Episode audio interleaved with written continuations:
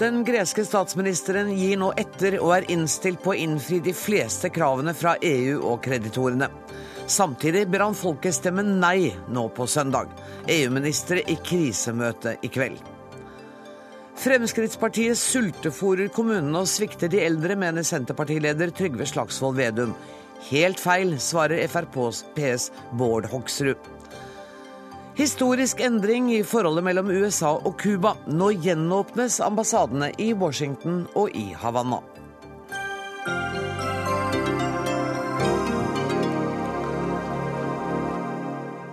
Dette er noen av sakene i Dagsnytt 18 denne første julidagen, der vi også skal møte forsvarsministeren, som vil at folk flest skal få vite mer om hva departementet hennes arbeider med.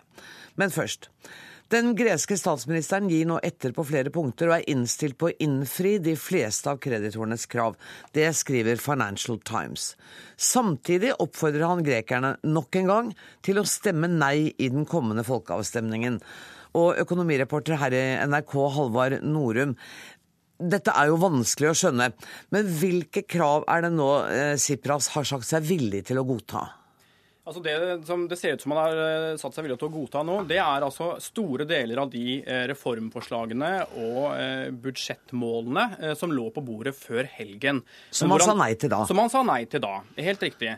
Han skriver et brev til kreditorene som er datert i går, at han er villig til å godta alle de forslagene, men med følgende tillegg, endringer og presiseringer. Så det er noen endringer han eh, vil ha igjennom.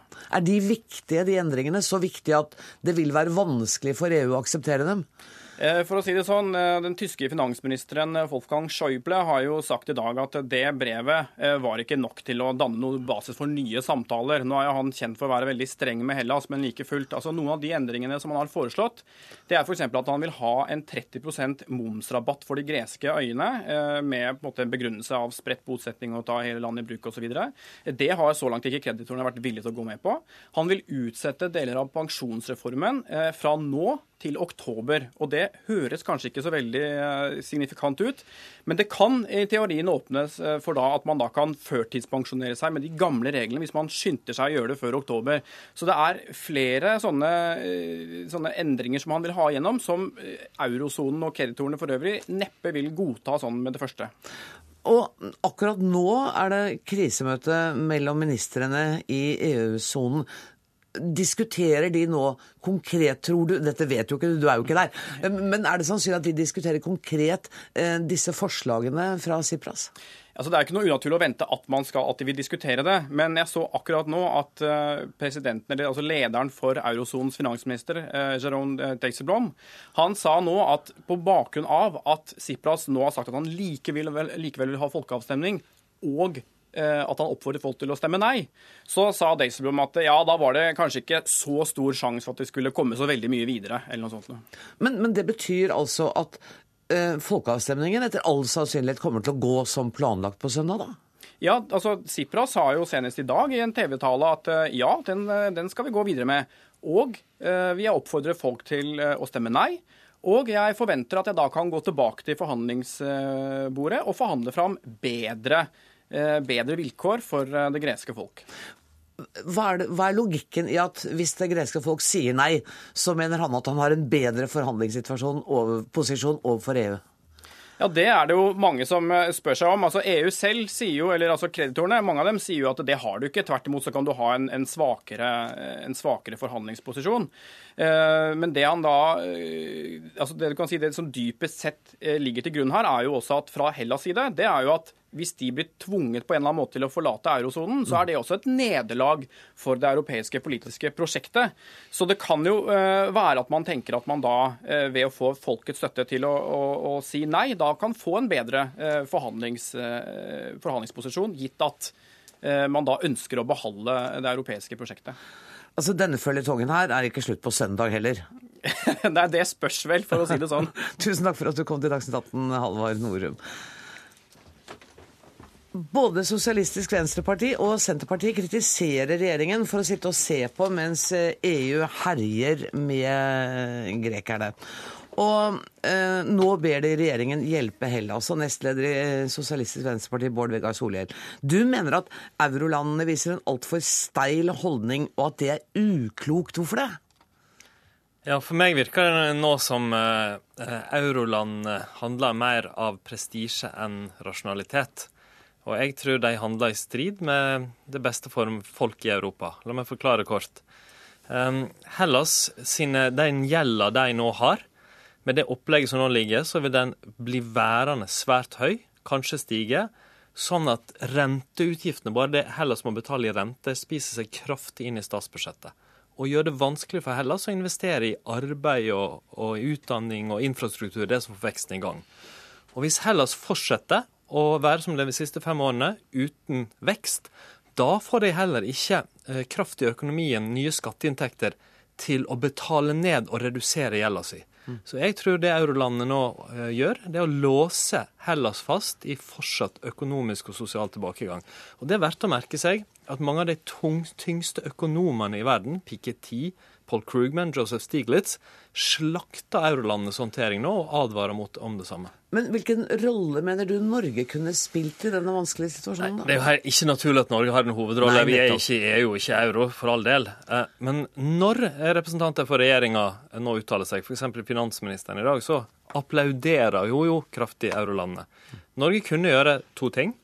Vi kunne oppfordre EU til å tenke seg om til å gå i dialog, prøve å finne en mellomløsning, som jeg tror både ville være bedre for folk i Hellas, men òg for å få i gang veksten og, hjulene i Europa. Og gjennom IMF så er vi jo en del av en liten del av kredittene. Der kunne vi ta initiativ overfor andre land om en reforhandling av avtalen, så at vi er villige til å være med på det hvis andre er med på det. Sånn at en av de institusjonene som, nå, som Hellas har gjeld til, faktisk åpner opp for det. Stortingsrepresentant for Høyre Gunnar Gundersen, du er andre nestleder i næringskomiteen. Kunne Norge ha bidratt bitte lite grann her, f.eks. ved å komme med forslag om mer minnelige løsninger, og kanskje bidra gjennom IMF? Nei, det tror jeg bare ville skapt enda mer uklarhet. Altså, jeg godtar jo heller ikke premissen. Altså, det at EU herjer med grekerne, det, det tror jeg ikke man eh, kan, eh, kan si. Altså, EU har jo strukket seg uhyre langt. Eller de landene som finansierer grekerne, har strukket seg veldig langt. Med gunstige rentebetingelser og alt. Vi må huske på at bakgrunnen for krisen er jo at Hellas og grekerne først lurte seg sjøl med, med å ikke ha riktig tall. Og så smalt det med at man har levd på forskudd og levd over evne i mange, mange år. Det må korrigeres. Mm. Og at, at kreditorene her eh, også setter krav, det, det, mm, skulle nesten bare mangle. Vi kan tenke oss situasjonen hvis Norge skulle blande seg inn i dette her. Vi kan tenke oss situasjonen hvis Norge hadde vært de som hadde masse til gode fra Hellas, og så gikk Danmark inn og sa at nå må Norge gi seg og, og, og sette og finansiere enda mer det, det, tror jeg ville, ville ha følt var ganske utidig innblanding i noe som er meget komplisert. Altså, Hellas står overfor noen valg som er uhyre vanskelig. Det vil bli meget tøft i Hellas uansett hva man uh, ender opp i. Mm. Det, det, det, skjønner jeg. Men, men uh, Gundersen, det er også sånn at det er forskjellige måter å beskrive denne historien på. Og det er ikke første gang vi i Dagsnytt 18 snakker om denne Nei. saken. I går uh, var Øystein Slais Betalen i studio, og han sa dette. Hvis vi skal få slutt på lånekarusellen, og så må folk tappe penger. For i dag så er det en lånekarusell hvor politikerne i EU sitter hånd i hånd med storkapitalen og bankfolkene og sier vi har ikke risiko for politikerne. De redder oss ut hvis vi tar risiko. Og hvis vi har et sånt kapitalistsystem, så kan du gi opp kapitalismen. For det må være død i kapitalismen. Hvis ikke så nytter det ikke. Jeg vet ikke, Solhjell, Er det pussig å liksom ende opp på samme side som Øystein Strauss Betalen i denne saken? Ja, pussig kanskje, men jeg hørte på den sendinga, og han sa en del klokt. For det som skjedde her, det var jo at Hellas tok opp lån de ikke kunne håndtere.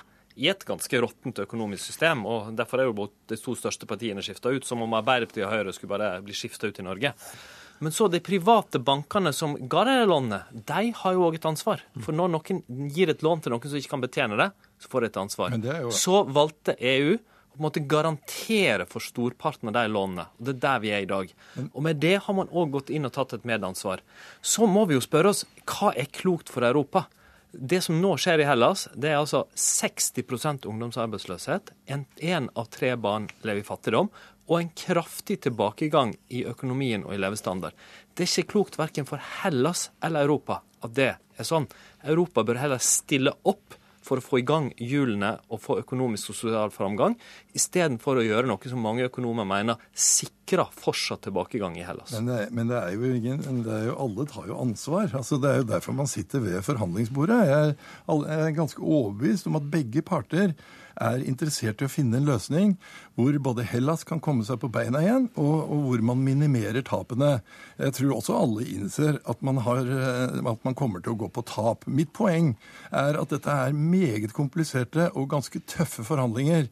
Det, det ser vi jo av mediebildet. At dette det, er, det er nasjoner som står oppimot hverandre, og som spiller et veldig tøft spill. Jeg tror ikke det vil bidra noe som helst positivt i den situasjonen at Norge blander seg inn. Men, men, og jeg prøvde, jeg prøvde, jeg prøvde Solhjell, under EØS-debatten i vår å, provosere dere sånn at dere kan si at ja vel, da går Norge inn og finansierer noe av grekernes uh, gjeld.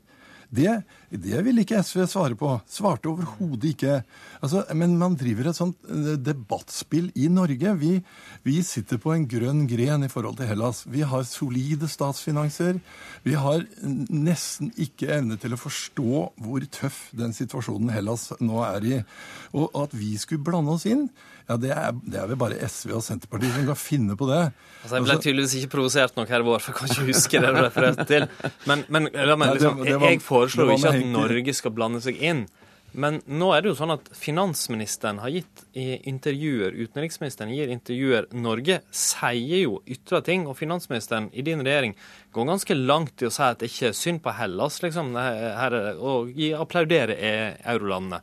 Vel, vel, da må jeg kunne svare at jeg tror de eh, vurderer situasjonen annerledes. Men så er det jo sånn at vi er part i det her gjennom IMF, altså Det internasjonale pengefondet, ja, som har en eh, ganske begrensa, men likevel ikke uviktig del av lånene, ca. 10% og der mener jeg at istedenfor å bare stå på vårt, så burde Norge ta til orde for her trengs det en endring av lånevilkårene. etter Ettergi mer av gjelda, gi andre vilkår, sånn at det blir mulig for Hellas' befolkning å komme seg, og sånn at det kan òg få i gang hjulene i Hellas og i andre land Men det er jo ikke sånn at lånevilkårene ikke er eh, endret, uh, Solhjell. Altså, de har fått en mye gunstigere rente enn men, det man ellers ville hatt sant, i markedet. Men, men, hvis jeg får lov, det er jo likevel sånn at gjelda til Hellas nå som en andel av bruttonasjonalproduktet er høyere ja, enn for fire-fem år siden. Situasjonen er verre nå. Og da må man gjøre endringer, sånn at Hellas har en sjanse til å hjelpe sin egen befolkning å få hjulene i gang. Selvfølgelig må man det, men det er da ikke Norge som sitter med førstehåndsinformasjonen til å kunne bidra med noe positivt i denne diskusjonen. Jeg, jeg syns det her var veldig rart. Det, det, er jo nå offentlig hva forhandlingene dreier seg om, hva de ulike partene mener. Vi har ganske god kunnskap om det, og vi er en aktør gjennom IMF, og din egen regjering uttaler seg. Da er det veldig rart å sitte her når jeg sier at nei, vi skal ikke mene noe om det. Det er klart vi bør mene noe om en stor økonomisk og sosial krise på vårt eget kontinent. Ja, Men kan, kan vi bidra? Og vi bidrar gjennom IMF, og da må vi jo stole på de som sitter der for oss. Det er jo, det er jo sånn det internasjonale systemet faktisk fungerer. Men Gundersen, kan jeg spørre deg, er du enig med Øystein Stray Spetalen i at de som nå bør smake pisken, er spekulantene som i utgangspunktet lånte ut eh, alle disse pengene til Hellas? Ja, det er klart, men de føler jo pisken nå. Det er helt overbevist overbevist om. Ja, gjør de altså, det? det jo, ja, men det er jo mange som har innsett at her kommer man til å gå på tap. Det er jeg helt sikker på. Det er som jeg sa, man, man, man jobber jo med å prøve å finne en løsning som Hellas kan overleve med, og der kreditorene taper minst mulig. Men at man taper penger, det er jeg helt sikker på. Men unnskyld meg, det er det her som er noe av problemet, og Streisbetalen har helt rett. For, for fire år siden så overtok garanterte eurolånene og andre institusjoner for de lånene som en rekke private banker, mange tyske og franske, hadde. Jeg mener det var en stor feil. Det, det, er naturlig at noen som låner ut penger til noen som ikke kunne betjene dem, må ta en stor del av ansvaret. Det de tok første... bare en liten del av tappene. Det, og det er det som nå gjør òg EU og eurolandene medansvarlig for det her. Nå må vi imidlertid Det er dessverre for seint, men det er likevel sånn at de store pengene nå fra eurolandene går jo ikke til Hellas. De går til å betale ned de kreditorene. Men Solhjell- Nå er det derfor tid for å gjøre endringer og større grad stille opp for Men Soliel, Solhjell, når SV har alle mulige løsninger, så burde man jo da melde seg inn i EU og bli med på faktisk å fremme de løsningene der. For det, nå sitter vi utenfor og diskuterer og har egentlig ikke noe så, den så, så bra du innrømmer at jeg har løsninger, i det minste. da. Det er et stort Den debatten har jeg ikke tenkt å åpne for. Jeg har derimot tenkt å takke dere for at dere kom, Gunnar Gundersen og Bård Vegar Solhjell.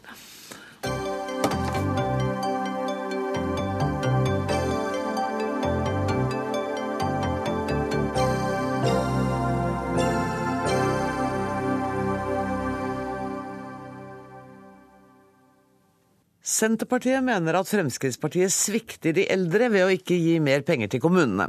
Skattesvikten i kommunene i år blir større enn ventet. Hittil i år har inntektene vært 1,4 milliarder kroner mindre enn det budsjettene la opp til. Og det vil ramme de eldre, mener Senterpartiet. Trygve Slagsvold Vedum, har Fremskrittspartiet skyld i lavere skatteinntekter for kommunene?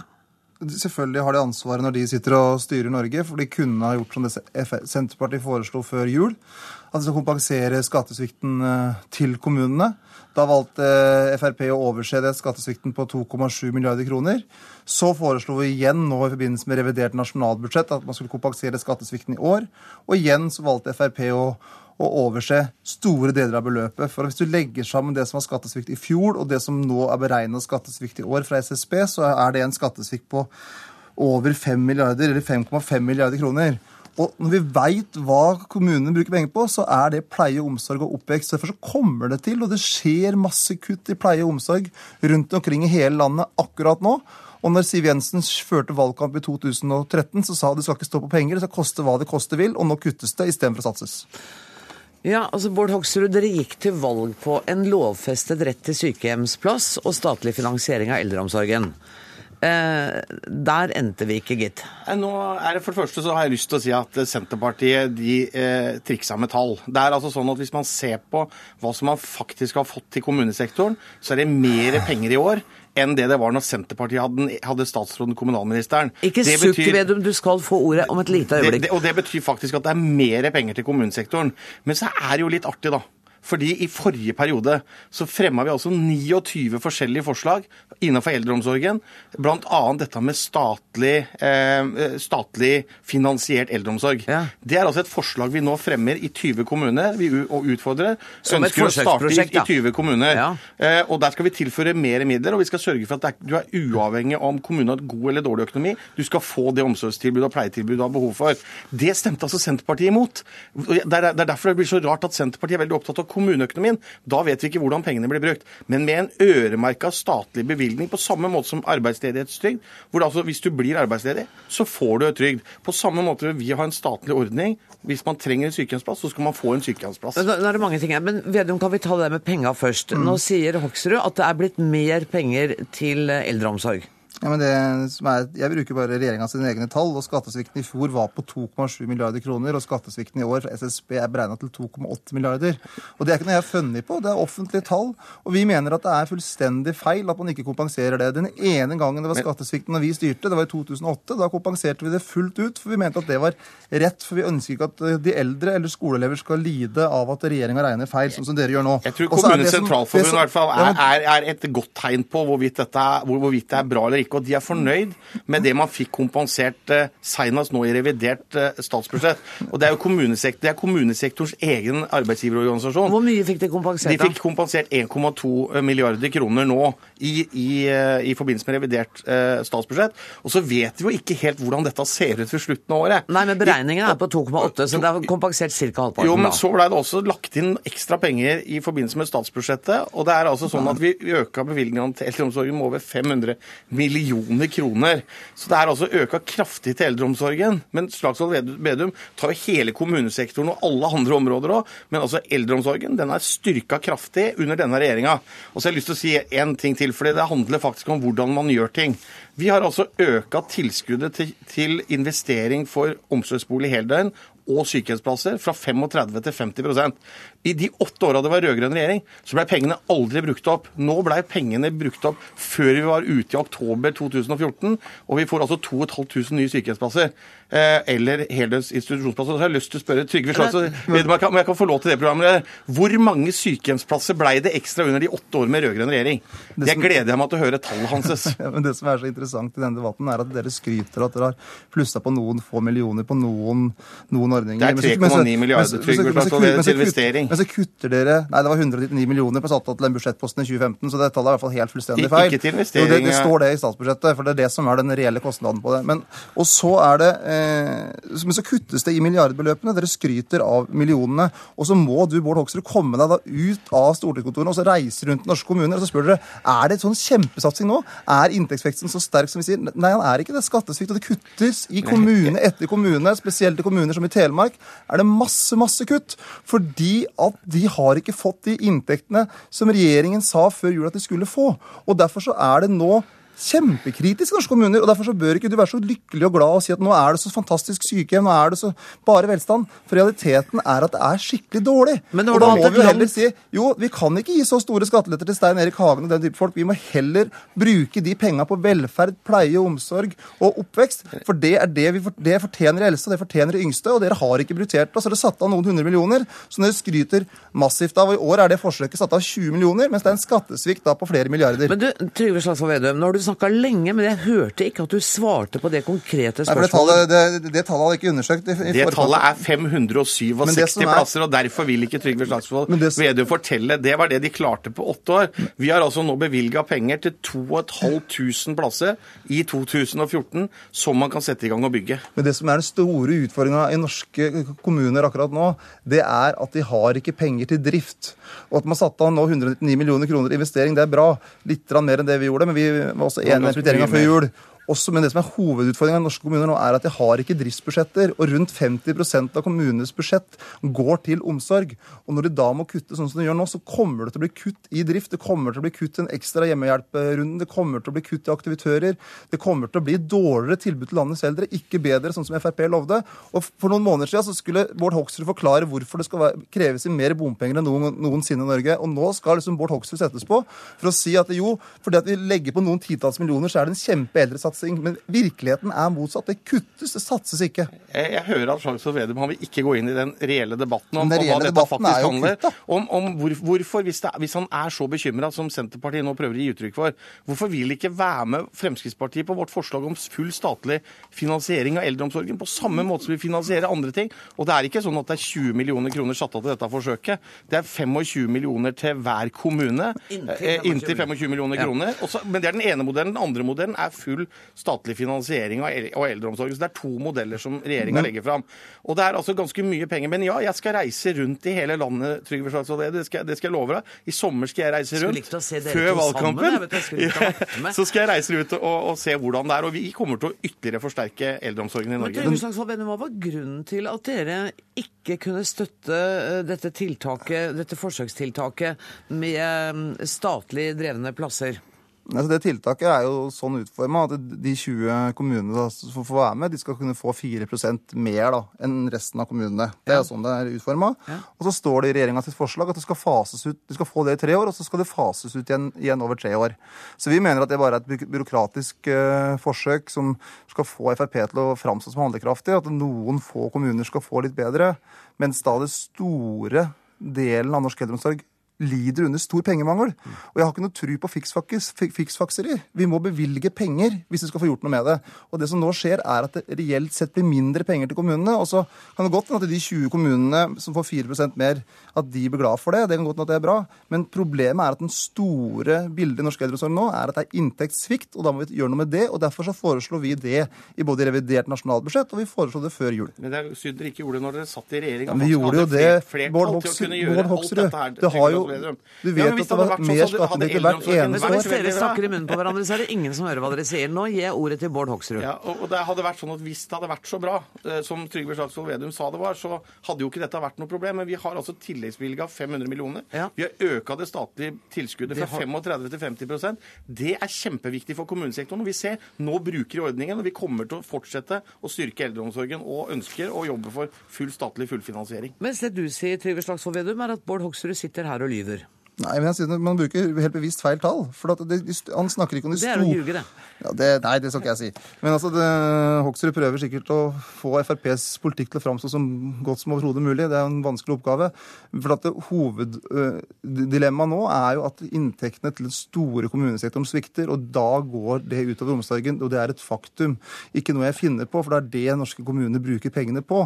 Og Derfor så burde Bård Hoksrud begynne å bekymre seg mer for de store summene, ikke bare for de enkelttiltakene, selv om det sikkert er morsommere å snakke om det. Og så er det jo det som er greia. Vi, vi var ikke fornøyd i 2013. For vi mente at, jo, Derfor sa vi at vi kunne ikke gi så store skatteletter som det dere gir. For vi mente at når du bruker de pengene bl.a. på pleie, omsorg og oppvekst For vi har en annen prioritering, for vi mener at det er så viktig. Og så er det jo er det en grunn for nå, er det en grunn for nå, Bård Hoksrud, at det aldri har blitt innført så mye eiendomsskatt som når dere sitter. Og det er jo selvfølgelig for at mange kommuner ser at de har inntektssvikt, sånn som f.eks. Frp og Høyre-styrte Bergen.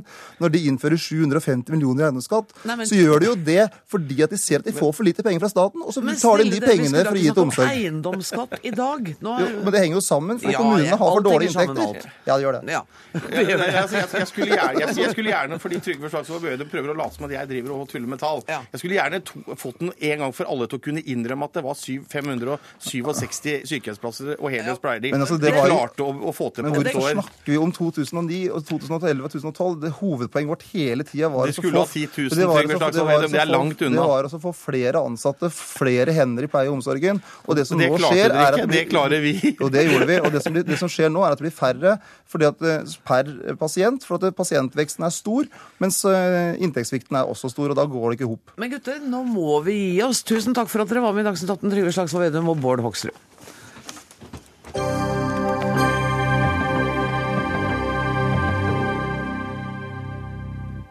Ikke så lenge før Dagsnytt 18 gikk på lufta i dag, kom USAs president Barack Obama med en historisk kunngjøring i Rosehagen utenfor Det hvite hus. More than 54 years ago, at the height of the Cold War, the United States closed its embassy in Havana.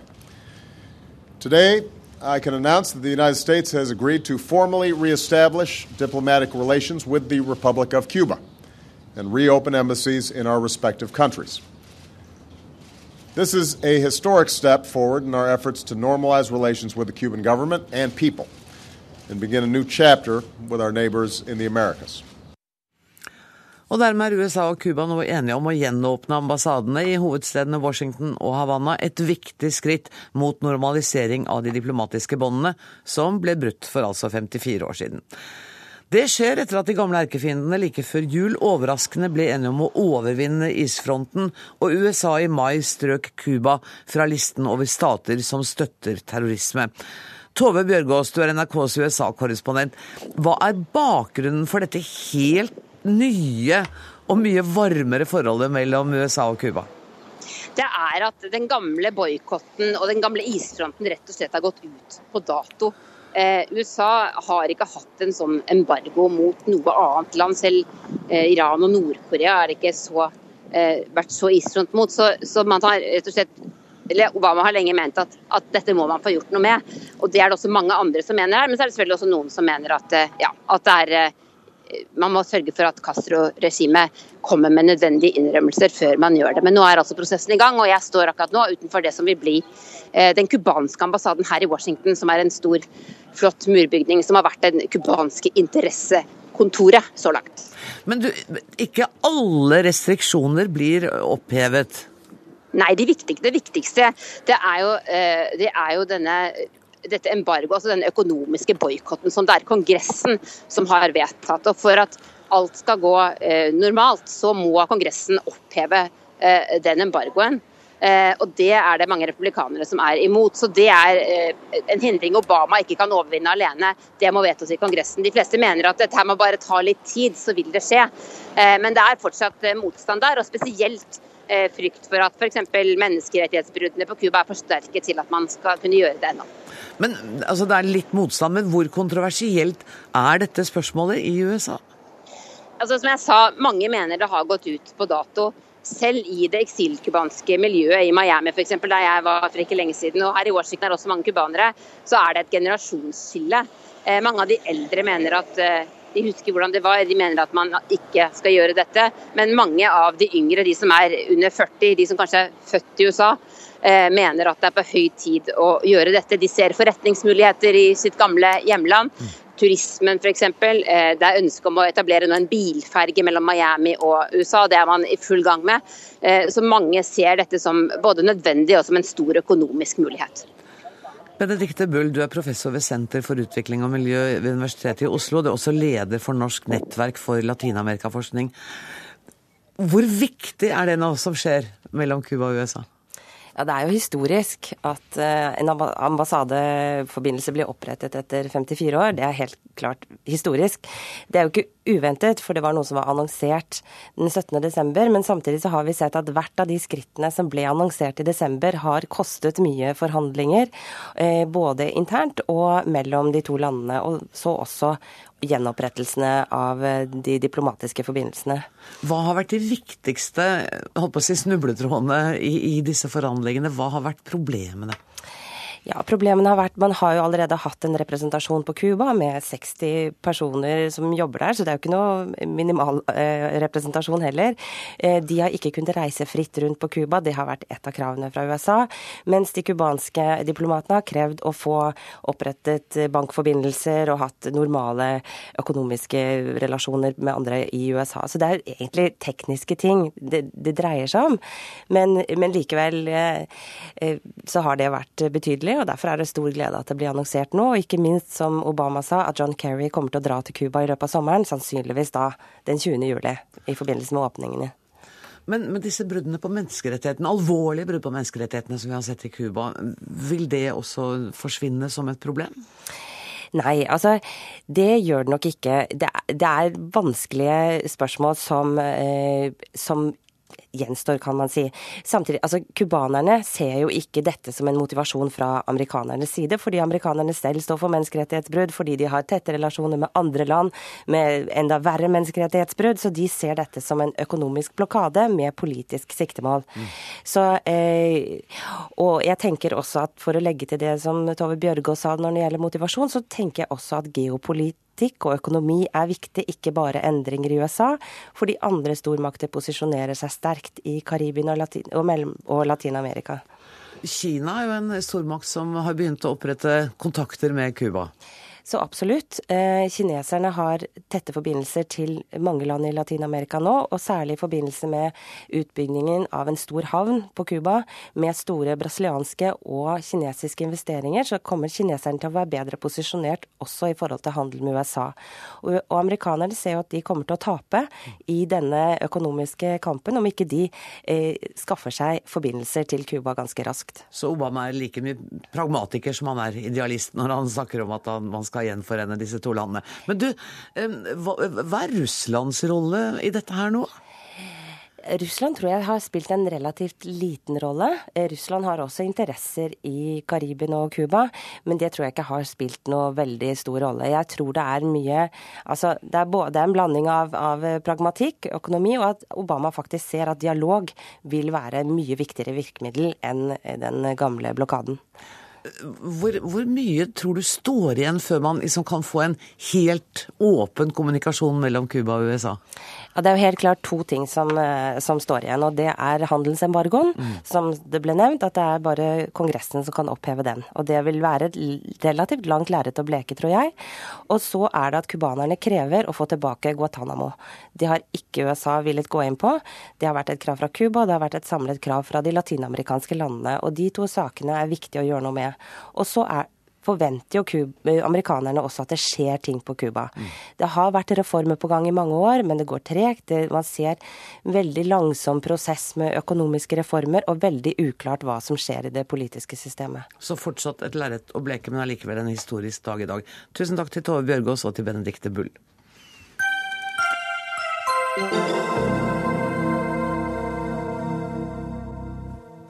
I dagens leder i Dagens Næringsliv blir den forestående folkeavstemningen i Hellas sammenlignet med Hitlers folkeavstemning i 1938. Sitat. Spørsmålet på stemmeseddelen er en ubegripelighet der folk blir bedt om å si nei eller ja til to tekniske dokumenter, skriver Dagens Næringsliv. Det minner om Hitlers folkeavstemning om innlemmelsen av Østerrike, der ja-feltet var tre ganger større enn nei-feltet. Du har reagert på denne lederen, Mimmi Kristiansson, nyhetssjef i Klassekampen. Hva var det som uh, fikk deg til å bli sinna i dag? Jeg syns det er en helt uh, hårreisende sammenligning mellom en folkeavstemning i et demokrati, verdens eldste, som uh, kan ende både med ja og nei, der opposisjonelle får ytre seg som de vil, der det er mediefrihet, der demonstranter får protestere mot regjeringen i gatene osv., og en folkeavstemning som Adolf Hitler altså avholdt under trussel av invasjon fra verdens mektigste her på det tidspunktet i Østerrike, der opposisjonelle ble skutt, satt i konsentrasjonsleir, trakassert, partier som var uenige, ble forbudt, og som Hitler altså vant med 99,7% av stemmene, noe man helt sikkert vil vite at ikke kommer til å skje nå i søndag. Og jeg syns at DN burde skamme seg over å dra den folkevalgte regjeringen i Hellas og den politiske debatten som skjer i Hellas nå, uansett hva man mener om den, ned i søla sammen med Adolf Hitler og de grusomme overgrepene mot demokratiet som han begikk, både i 1938, men også selvfølgelig før og etter. Kjetil Widdetang, kommentator i DN. Skammer du deg? Nei. Eh, du er ikke helt korrekt i siteringen her. Det vi har gjort er å, eh, etter at utspillet fra den greske regjeringen kom og folkeavstemning her var på mandag, så kom det voldsomme reaksjoner som ble gjengitt i BBC i går. Ja. Der trekker man bl.a. de klassiske lærebokeksemplene på manipulerende folkeavstemninger frem. De er gjengitt. Det er to av dem. Det er Pinochets eh, avstemning om demokrati nå var det 76, 78, og uh, Hitlers Anschluss-avstemning i 38. Mm. Uh, du gjenga heller ikke fortsettelsen. Og vi skriver at Den store forskjellen er selvfølgelig at vi nå har et åpent demokrati. Dermed så vil uh, grekerne høyst sannsynligvis forstå hva dette handler om. Jeg kunne bortsett, ikke gjengi hele lederen din. Nei da, bortsett fra det så er uh, etter alt å dømme det uh, de skal stemme over på søndag, et demokratisk makkverk. Det er feil på absolutt alle måter. Protestene har kommet fra hele verden. Det er noe, noe rent vås. Og det, selvfølgelig, selv et demokrati, så er det viktig å gjøre dette på en ordentlig måte. Det er derfor bl.a. Bjørn Jagland, Europarådet, har protestert i dag. Mm. Og Mimmi Kristiansson, de har jo altså ikke sammenlignet Eh, den greske statsministeren med Hitler. De, det man gjør, er å peke på likheter mellom udemokratiske folkeavstemninger og denne. Man sammenligner altså en folkeavstemning som foregår i et åpent demokrati, med ytringsfrihet, flerparti, uavhengige medier, med to folkeavstemninger som foregikk i undertrykkende, brutale diktatur, ettpartistater der opposisjonelle ble drept og torturert. Den sammenligningen er på Nå vil jeg gjerne få snakke ferdig. Du siterer heller ikke din egen leder så bra. Det du skriver, er at den store forskjellen Eller det er DN skriver, om, vi vet jo ikke hvem som har skrevet dette. Den store forskjellen er at informasjonen i dag flyter lettere enn i 38 og 78. Nei. Den store forskjellen er at Hellas er et demokrati med ytringsfrihet, med flerpartisystem. Det var ikke altså Hitler Tyskland. Det var altså heller ikke Pinochets Chile. Og så vil jeg bare si en ting. Alternativet til denne folkeavstemningen det er jo at Syriza, altså partiet som er valgt i regjering i Hellas, avgjør dette spørsmålet på bakrommet i sitt eget sentralstyre uten å spørre det greske folk. Da vil Syriza gå ut, mest sannsynlig, av euroen uten å spørre folket råd. Det syns jeg er udemokratisk, selv om jeg er enig med Syriza. Men nå må Winsvang få lov å svare. Ja, altså, ærlig talt, teksten er selvfølgelig skal planen for enighet som ble lagt fram i Eurogruppen 25.6.2015 av Europakommisjonen, Den europeiske sentralbanken og Det internasjonale pengefondet består av to deler som sammen representerer deres samordnet forslag, godtas. Det første dokumentet har tittelen 'Reform for fullføring og videreføring av det løpende programmet', og den andre 'Preliminær analyse av gjeldsbærekraft'. Ingen av disse dokumentene blir fremlagt for det greske folk. Ingen er oversatt.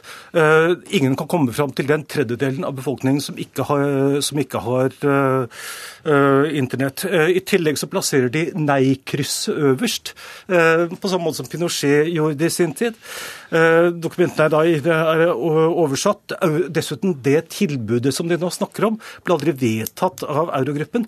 Dette er grov manipulering. Hadde du godtatt hvis en norsk regjering hadde lagt frem noe sånn for en folkeavstemning i Norge? For det første så er det helt, for det første, Kjetil, så er det helt feil at dokumentene ikke er oversatt. De ble oversatt av det greske utenriksdepartementet på mandag.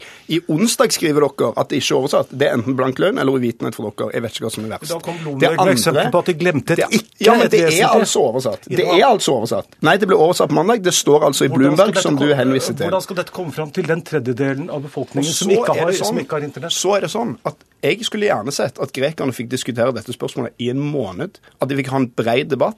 At alle dokumenter ble på grundig vis diskutert opp og ned og i mente. Men grunnen til at man må gjøre dette på så kort tid, og det er selvfølgelig betenkelig, grunnen til at man må gjøre dette, er at EU og kreditorene presser på. Kutte kontantstrømmen til Hellas og nekte Hellas en skikkelig demokratisk behandling av Dette det, burde, siden. det burde Widsvang være opptatt av å Dette kunne kritisere. man gjort for en måned det sånn siden. for Men nå må FN få svare, for dette kunne vært gjort Dette, for lenge dette kunne man gjort for, eh, for svært lenge siden. Det hadde fungert. Da hadde man fulgt Europarådets anbefaling om 14 dager. Dette ville aldri passert de landene som har sånn som den elektriske Nei, unnskyld, den britiske valgkommisjonen, eller Canada, som har, egen, har egen lov for hvordan det skal foregå, som krever klarhet. Dette er rent manipulerende, eh, manipulerende varianter som de prøver å tvinge gjennom og lure folk til, å- stemme på. Mener du i ramme alvor at folk skal kunne lese dette dokumentet, som er skrevet på som man trenger juridikum, sannsynligvis også en økonomiutdannelse, og ta stilling til på fem dager? Altså, jeg skjønner dette virker gresk for deg, Kjetil Widsvang, men, er grekerne, men grekerne forstår hva dette handler om. Grekerne er innforstått med om man skal godta en omfattende kuttpakke fra EU eller ikke. Og to av FNs? Unnskyld hvis jeg bare kan Hvorfor vente. To av FNs uavhengige menneskerettighetseksperter er i dag ute og støtter denne folkeavstemningen. Og alternativet til alt dette det er det DN ikke vil snakke om. Alternativet til alt dette er bare at Syriza tar denne beslutningen uten at folk engang får noe å si om spørsmålet. Og det er et vesentlig dårligere og mer udemokratisk alternativ. Og det har ingenting Rett og slett ingenting med demokrati å gjøre, og prøve å nekte grekerne å få si sin mening om dette avgjørende spørsmålet for gresk framtid. Folkeavstemninger kan i og for seg være greit, men det forutsetter at det gjøres på en ålreit måte. Pga. dårlig erfaring så er det en av grunnene til at Tyskland aldri har dem. Nettopp pga. det som skjedde, skjedde for 70 år siden. Hadde tyskerne fått uh, si sin mening f.eks. om euroen, så hadde de høyst sannsynligvis sagt nei, ville beholdt, uh, ville beholdt det marked. Dermed hadde ikke dette vært noe problem. i Og det enda vet vi ikke. Kanskje blir det ikke noe av folkeavstemningen på søndag også. Det vil jo de neste dagene vise. Tusen takk for at dere kom til Dagsnytt 18, Kjetil Widsvang og Mimmi Kristiansson.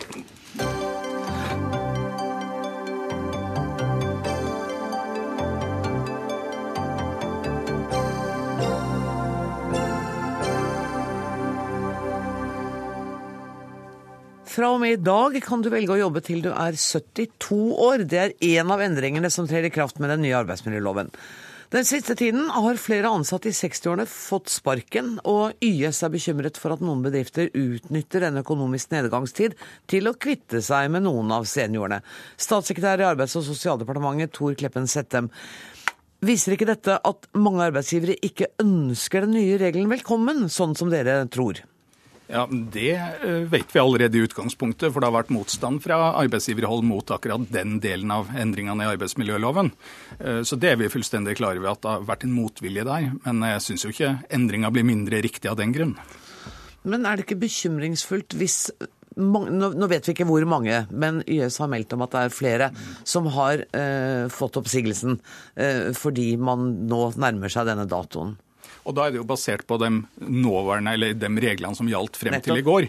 Eh, og det er jo da regler som var der før, og som ville ha blitt brukt eh, også tidligere. Eh, så det er jo ikke et direkte resultat av de regelendringene som kommer, men det er et resultat av den jeg vil kalle mentaliteten og kulturen som har vært der tidligere, og som vi er opptatt av å få til en endring på. Og det er jo derfor vi har fremma og fått vedtatt i Stortinget de endringene på, arbeids, på aldersgrensene i arbeidslivet som vi har fått vedtatt. Stortingsrepresentant for Arbeiderpartiet Truls Wickholm, eh, er det et faresignal når eh, folk i 60-årene må gå før 1. juli? Altså, Det er uheldig når, eh, arbeidsgivere prøver med vilje å ikke følge nye regler, men jeg tror at dette kunne vært løst hvis, hvis regjeringen hadde hatt en litt annen tilnærming. Fordi de har jo valgt å ikke ha et skikkelig samarbeid med partene i forkant av at de har laget denne loven. Det var en av hovedkritikkene våre mot denne endringen. Snakk med arbeidstakerne, snakk med arbeidsgiverne, finn ut hvordan man kan gjøre det. Eh, Hadde man gjort det, så hadde man også kanskje funnet løsninger for hvordan man kunne sikre seg mot at folk ikke ble pressa ut i et forsøk på å omgå et eh, nytt regelverk. Men jeg mener jo at dette er jo ikke den mest alvorlige endringen med den arbeidsmiljøloven som blir eh, gjeldende fra i dag. Vi skal snakke om deltidsarbeid nå, skal vi ikke det? jo, Jeg syns jeg så det på deg, at nå kommer det. Du syns du så at det liksom lå inne der, ja. ja. Nei, men altså, jeg, jeg, klart, dette er et eksempel på hvordan regjeringen ikke samarbeider, ikke snakker eh, med partene. Det har ført til usikkerhet. Men hele denne loven kommer til å føre til mye usikkerhet for veldig mange flere. Det kommer til å bli mer deltidsarbeid, det kommer til å bli mer midlertidighet. Og det vet vi at det er negativt for likestillingen, det er negativt for unge, eh, og det er negativt for alle som er ute etter å kjøpe seg eh, bolig. Vi kan i hvert fall konstatere at Arbeiderpartiet ikke er i stand til å se noe annet enn skeptiske sider ved, ved de endringene som kommer. Og jeg syns det er veldig interessant, programleder, at i dag så er det altså en del endringer i arbeidsmiljøloven som går bl.a. på gjennomsnittsberegning, der hensikten er å legge til rette for flere heltidsstillinger og mindre ufrivillig deltid. Det gjennomføres i dag lovendringer som skal skjerpe straffene for alvorlige brudd på arbeidsmiljøloven og allmenngjøringsloven, altså arbeidskriminalitetskampen. Eh, Den typen endringer, og for så vidt endringer på aldersgrensa i arbeidslivet, senioraldersgrensene, eh, så merker vi liksom at det er ikke der Arbeiderpartiet har lyst til å diskutere. De har av en eller annen grunn lyst til å diskutere et annet sted. Og så må jeg si det at jo, det er motstand mot enkelte sider av dette her, men den motstanden den hadde vært der uansett hvor mange møter og samtaler vi hadde hatt. Men kanskje Eh, for- dere har hatt for få likevel, bare for å blidgjøre tredjepart Nei, dette har jammen meg gått over lang tid. Dette starta i fjor sommer. Det gikk gjennom hele høsten, der regjeringa bearbeida de reaksjonene vi fikk på det første utkastet. Kom tilbake til Stortinget i desember, og så har Stortinget brukt våren på å behandle det. Og du store min, det har vært mange møter og samtaler, så eh, her har det vært lytta. og Det er ikke det det har vært mangel på, det har ikke vært møter og samtaler. Nei, det har kanskje ikke vært eh, mangel på, på formell prosess, men det det har vært litt mangel på, det er å sette seg ned og snakke litt ordentlig ut med partene før man fremmer deg og får den der situasjonen hvor folk nødvendigvis går ned i skyttergravene for å prøve å beskytte seg mot en, en ny endring som kommer. Men unnskyld meg, var ikke dere ganske raskt nede i sky- skyttergravene allerede ved første forsøk? Altså, Vi har vært ganske tydelige på hva vi mener om midlertidighet. Ja, eh, Men hvis jeg, hvis jeg skal forstå statssekretæren nå i beste mening, så mener han at de har sendt ut dette lovforslaget på høring. Det har blitt svart i høringsbrev til departementet, og det har vært debatt i offentligheten. Det vi har etterlyst, er det som har vært liksom eh, selve vareverket med den nordiske modellen, partssamarbeidet, hvor man setter seg ned og snakker med partene i forkant hvordan kan vi få til disse endringene sammen. Eh, Og da er det gjerne sånn at alle blir ikke helt fornøyd, men man kommer kanskje et skritt på vei i den retningen som man ønsker. Det ville jeg anbefale denne regjeringen å gjøre mer av, istedenfor å slenge ut bestante, bastante meninger som man får i fleisen igjen når det blir møtt av de som skal være mottakerne av dette regelverket. Men Sedem, har dere ikke hatt, eh, har dere ikke hatt uh, samtaler med partene i arbeidslivet? store min jo. Uh, Nå tror jeg det er litt sånn uh, Det går jo litt på autopilot en del reaksjoner, men, men jeg, jeg må jo si at også eh, noe av hensikten må jo være å få denne typen tema ut til åpen debatt. Det kan ikke være sånn at vi i alle sammenhenger skal avgjøre ting på bakrommet, og så skal det komme til Stortinget som et faktum som Stortinget så bare må akseptere. Vi har en annen innstilling til det. Vi skal lytte både til arbeidsgiversida, arbeidstakersida, og vi skal lytte til alle organisasjonene på hver side, ikke bare én av dem. Og så er det i våre øyne ekstremt viktig at vi får en åpen og ryddig debatt i Stortinget, der vi jo er i mindretallsregjering og er avhengig av å få et godt samspill i Stortinget. Og så må jeg jo si at jeg skulle veldig gjerne likt å høre Truls Wickholm forklare hvorfor han ikke vil styrke seniorarbeidstakerne sine rettigheter i arbeidslivet og beskytte dem bedre mot å bli kasta ut. Jeg har ikke sagt noen ting om å ikke styrke seniorarbeidstakerne sine rettigheter. Vi har sagt at vi ville ikke gjort ting på den måten. Derfor valgte vi også eh, å stemme imot, fordi vi mener at det er veldig viktig å snakke med arbeidsgiverne og snakke med arbeidstakerne om hvordan man eventuelt kunne ha gjort det. Når man Så ikke... p- når prosessen ikke er riktig, så vil dere heller stemme imot et forslag dere er synes- for, bare for å markere motstand? Det er pussig. Det var ikke det jeg sa. Jeg sa at når man ikke setter seg ned og snakker ordentlig med partene på forhånd, så ser vi hva resultatet blir. Det kan være veldig viktig å ha en god prosess for å få en god løsning. Hvis du da skal trekke med deg både arbeidstakersiden og arbeidsgiversiden halene etter beina for å få det som du vil, så får du kanskje akkurat denne uheldige situasjonen som vi ser at regjeringen får nå de, har på en måte, de kan slå seg på brystet og ha fått rett, men det har gått utover ganske mange eh, arbeidstakere eh, som har blitt ramma av det her. Men en ting som jeg er veldig opptatt av å også få sagt Et øyeblikk, et øyeblikk, eh, så skal du få ordet, Settem. Vær så god, bare fortsett. Det som vi ser nå, eh, som igjen Jeg er opptatt av de seniorarbeidstakerne, men jeg er også opptatt av den endringen som kommer nå, med mer midlertidighet. Jeg er bekymra over det fordi vi ser nå en stigende arbeidsledighet, masse oppsigelser i mange store firmaer. Det vi hører fra folk som er der ute nå, det er at de er bekymra for at når oppturen igjen kommer i norsk økonomi, så vil det som har kommet ut nå, komme inn igjen på midlertidige ansettelser, hvor regjeringen har gitt en generell adgang til å ansette folk midlertidig i norsk arbeidsliv. Jeg hadde ikke tenkt at vi skulle ta runden med midlertidighet, men sett dem. Har vi nå fått en arbeidsmiljølov som vi alle om et år kommer til å si at vet du, denne lever vi godt med? Ja, det tror jeg faktisk. Jeg syns kanskje også, hvis det er tid til å, til å si et par Egentlig ord til ikke. Ok, da. Jeg syns bare fordi det ble kanskje hengende i løse lufta. Det endte nesten opp som om det var en diskusjon om partssamarbeidet. Men la oss nå understreke da at dette handler altså om å styrke seniorarbeidstakeres rettigheter i arbeidslivet. Og jeg syns det er påfallende at Arbeiderpartiet velger å stemme imot i en situasjon der så mange eldre ønsker å stå lenger i jobb, og jeg syns de skal få muligheten hvis de har helse og Poenget har vi tatt, men nå er jeg dessverre nødt til å sette strek. Tusen takk for at dere kom, Tor Kleppen Settem og Truls Wickholm.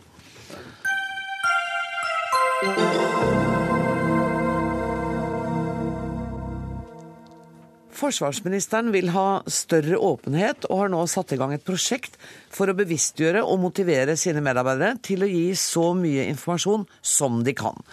Ine Eriksen Søreide, i en e-post til dine medarbeidere skriver du at i enkelte tilfeller blir dokumenter gradert for høyt, altså gjort utilgjengelige for offentligheten. Hvis du skal tippe, hvor ofte skjer det?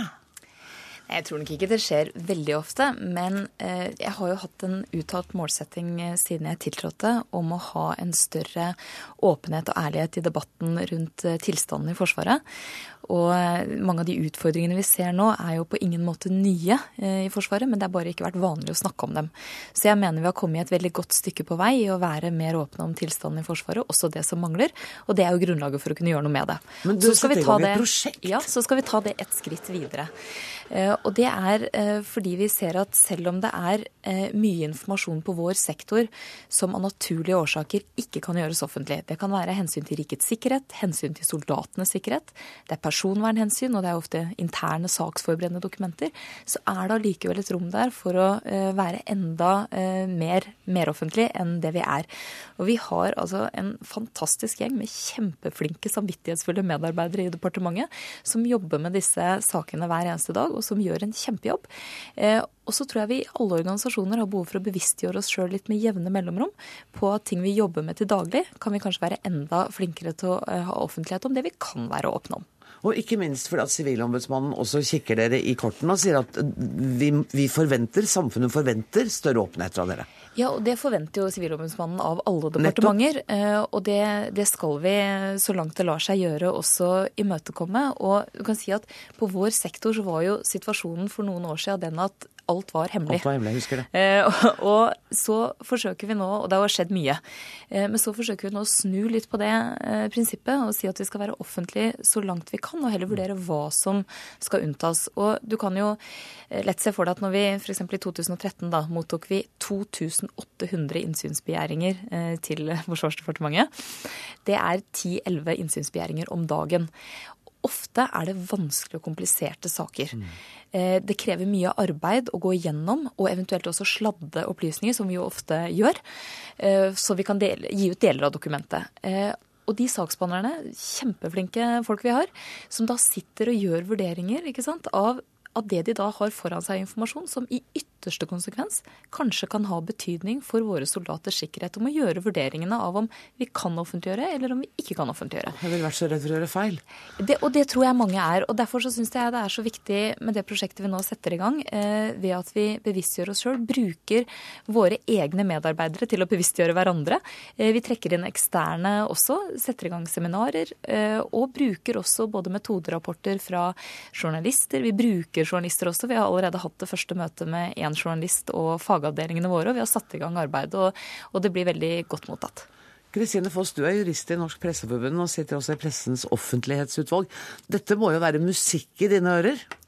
Ja, det er jo en eh, veldig gode takter. Og eh, jeg tenker jo at dette er en helt naturlig oppfølging av den kritikken som vi har hatt eh, en stund nå mot innsynspraksisen i Forsvaret, og også en helt naturlig opp, oppfølging av brevet som ble sendt fra Sivilombudsmannen for to uker siden, som da påla eh, Forsvarsdepartementet å gå gjennom og melde melde fram konkrete ting på innsynspraksisen deres. Men da tror jeg forsvarsministeren sendte sin e-post og tok sitt initiativ før eh, Sivilombudsmannens brev kom. Ja, det vet jeg ingenting om når dette initiativet ble tatt, men uansett så tenker jeg at det er en helt naturlig oppfølging. Også, der får de jo konkrete ting som de er nødt til å svare på innen september. Og det går på hvordan man, eh, har, hvordan man journalfører innsynskrav, hvordan man eh, besvarer dem, hvordan, eh, når folk klager, hvor lang tid tar det. Altså veldig mye sånne konkrete ting som de er nødt til å svare på. Og de er også bedt om å ettersende innsynskrav for en gitt periode. Så dette her blir jo underlagt en kritisk gjennomgang av Sivilombudsmannen.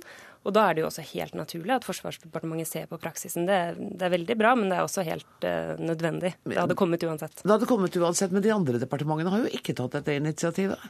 Nei, nå var det sånn Forsvaret og justis denne ja, gangen? Ja, fra Sivilombudsmannen så var det det. Men vi, UD har f.eks. gjort dette tiltaket for lenge siden og ansatt en offentlighetskoordinator som, har, som er én mann, som har rett og slett ansvaret for innsynspraksisen og gjort en del grep for å forbedre innsynspraksisen i departementet. Så det, det, gjøres mye bra i departementene, men det er også det har også Sivilombudsmannen påpekt mm. Eh, gjennom flere uttalelser, at det er eh, mange departementer som bryter offentlighetsloven. Holder tilbake informasjon samfunnet skulle hatt. Har dere i eh, Presseforbundet noe tall eller noe begrep om uh, hvor stor prosent omgjøring det er av innsynsvedtak? Mm. Det er jo det som er det store problemet her, at vi har ikke god statistikk på dette. Eh, men når Sivilombudsmannen eh, får klager, så er det veldig mange som blir omgjort. Jeg hørte for en tid tilbake sånn to av tre saker fikk med hos Fylkesmannen, som er klageinstans for kommunene. det og det er, det er, helt klart mye å gå på her. Det er mye uvitenhet. Jeg tror ikke alltid det er vond vilje, men det, folk vet ikke om man er redd for å gjøre feil. Og når man ikke er trygg på det, så holder man heller tilbake enn å gi ut.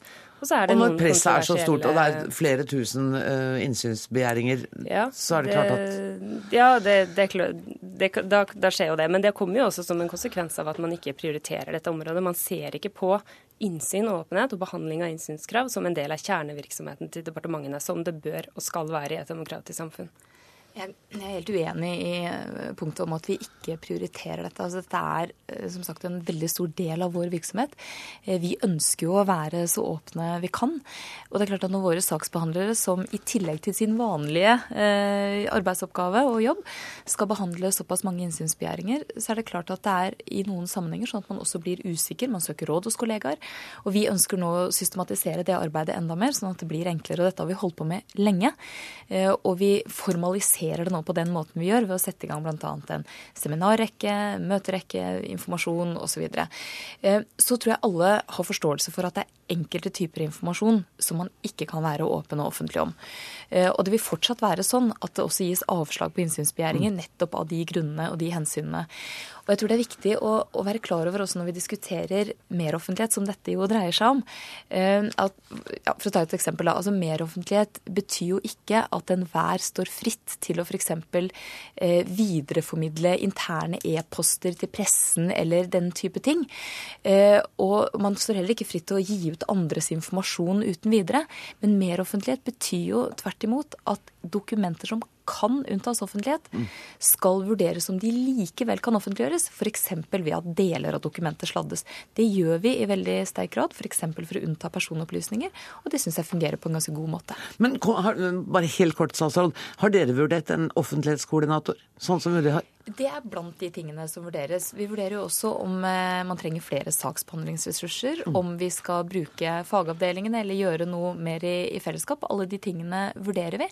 Men våre kjempedyktige medarbeidere gjør en veldig god jobb på dette hver dag, og vi ønsker å bevisstgjøre oss sjøl for å bli enda flinkere. Det, det, er skritt i riktig retning, da. Kristine Foss, kan vi, kan ja, vi men si det? Jeg syns også vi må erkjenne at det har vært for dårlig Nettopp. i Forsvarsdepartementet. Vi har mange eksempler på at dette har vært for dårlig, og det sier jo også Sivilombudsmannen. Så det, det er en erkjennelse vi må legge legge på bordet. Okay. I tillegg så mener jeg også at alle de hensyn som taler for at de må kunne hemmeligholde en del ting, er jo også hensyn som taler for mest mulig åpenhet. Det, ja.